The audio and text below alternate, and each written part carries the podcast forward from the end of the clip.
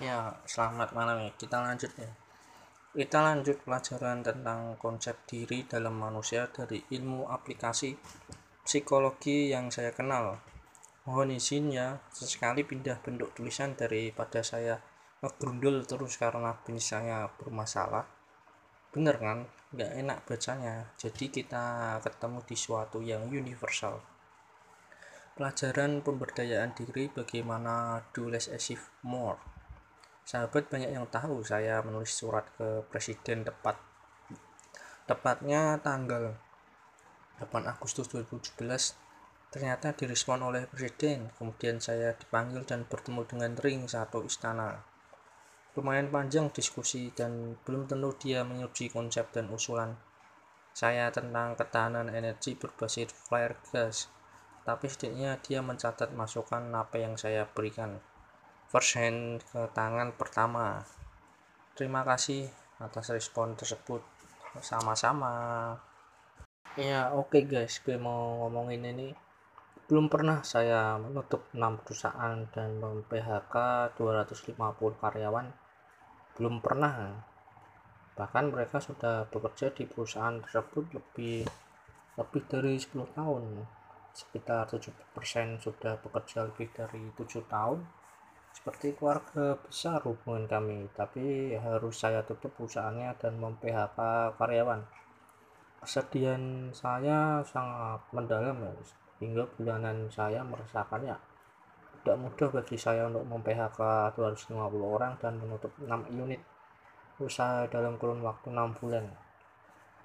Ada hal baru dalam kehidupan saya tensi darah saya naik menjadi 140-90 lalu saya pun cek ke dokter jantung untuk check up juga general check up lengkap hasil tes darah EKG treadmill hingga CT scan alhamdulillah normal tapi tensi tinggi nih. Ini mau biasanya stroke kayak, kayak gini. Oke selamat malam ya. Mengenal diri sendiri merupakan 50% kemenangan dalam pertempuran adalah kejangan kata-kata bijak yang terdapat di banyak bangsa. Kemudian dalam kehidupan manusia ada juga pesan bijak yang mengatakan bahwa kehidupan merupakan constant battle atau pertempuran terus-menerus hingga akhir hayat. Juga diajarkan di semua agama oleh para pembawa pesan Tuhan. Bagian yang terpenting untuk mengenal diri adalah mengenal konsep diri yang ada tiga macam yang dua halnya sudah mulai saya tuliskan dalam tulisan sebelum ini sekarang kita masuk ke bagian ketiga bagian ketiga self concept adalah self esteem bagian ini adalah komponen emosional dalam kepribadian Anda dan faktor terpenting dalam menentukan bagaimana Anda berpikir, merasa, dan bertingkah laku. Ya, gitu aja ya. Terima kasih sama-sama. Oke, dalam kehidupan bisnis dan karir, tingkat self-esteem pribadi Anda akan menjadi sebuah faktor penentu yang penting apakah orang lain mau membeli barang-barang yang Anda jual, mau mempekerjakan Anda, mau melakukan perjanjian bisnis dengan Anda, atau bahkan mau memberi Anda pinjaman uang. Semakin baik self-esteem Anda, semakin baik pula Anda dalam bertindak sebagai seorang pasangan hidup atau sebagai orang tua orang tua yang memiliki self esteem tinggi akan membesarkan anak-anak yang juga memiliki self esteem tinggi. Anak-anak ini akan mengembangkan self confidence, rasa percaya diri yang tinggi ya. Dan akan berhubungan dengan teman-temannya yang juga memiliki self esteem tinggi.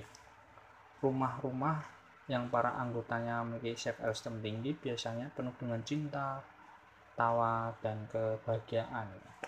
Ya gitu aja. Kita lanjut. Next. Next lagi ya. Terima kasih. Selamat malam ya untuk kalian semua.